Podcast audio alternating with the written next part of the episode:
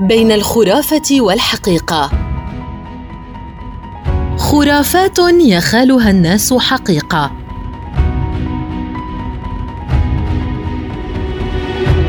قول كلمة رابت بمعنى أرنب في بداية الشهر في المملكة المتحدة. يعتبر هذا التقليد جالبا للحظ الجيد ويعود بجذوره إلى المملكة المتحدة بتاريخ يتجاوز الألفي سنة. وبحسب القصة الشعبية إذا كانت أول كلمات تقولها في أول يوم من الشهر هي رابت رابت فالحظ الجيد سيرافقك طوال باقي الشهر. وإذا نسيت قول ذلك في بداية أول يوم من الشهر فيمكنك بدلاً عن ذلك أن تقول اللفظ بالمقلوب تبار تبار قبل أن تخلد إلى النوم في ليلة أول يوم من الشهر.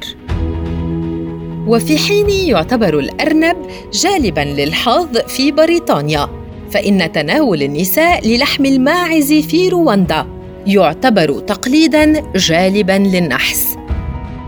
وبحسب التقليد المحلي ينصح النساء في رواندا بعدم تناول لحوم الماعز لأن ذلك سيتسبب بنمو شعر الوجه لديهن فضلاً عن جعلهن يتصفن بالعناد. والبعض يعزو سبب بدء وانتشار هذا الاعتقاد إلى الرجال الذين لا يمانعون الحصول على المزيد من اللحوم لهم.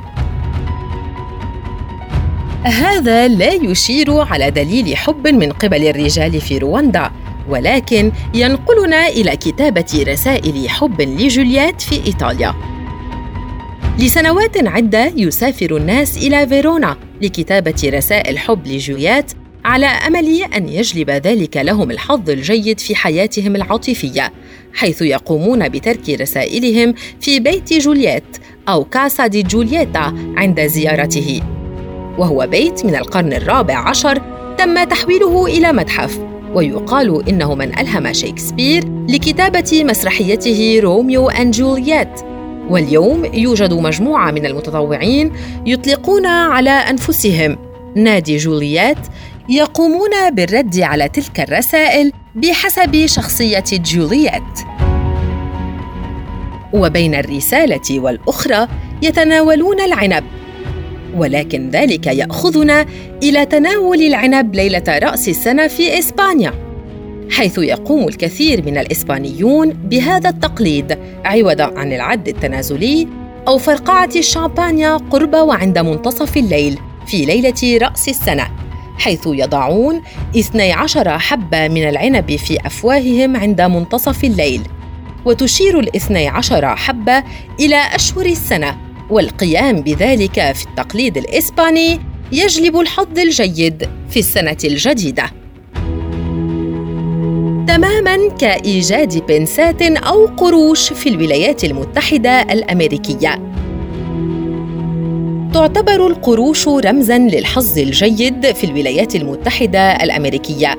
وعلى ذلك إيجاد قرش في الأرض وأخذه يجلب الحظ الجيد وخاصة إذا كان مقلوبا والوجه للأعلى.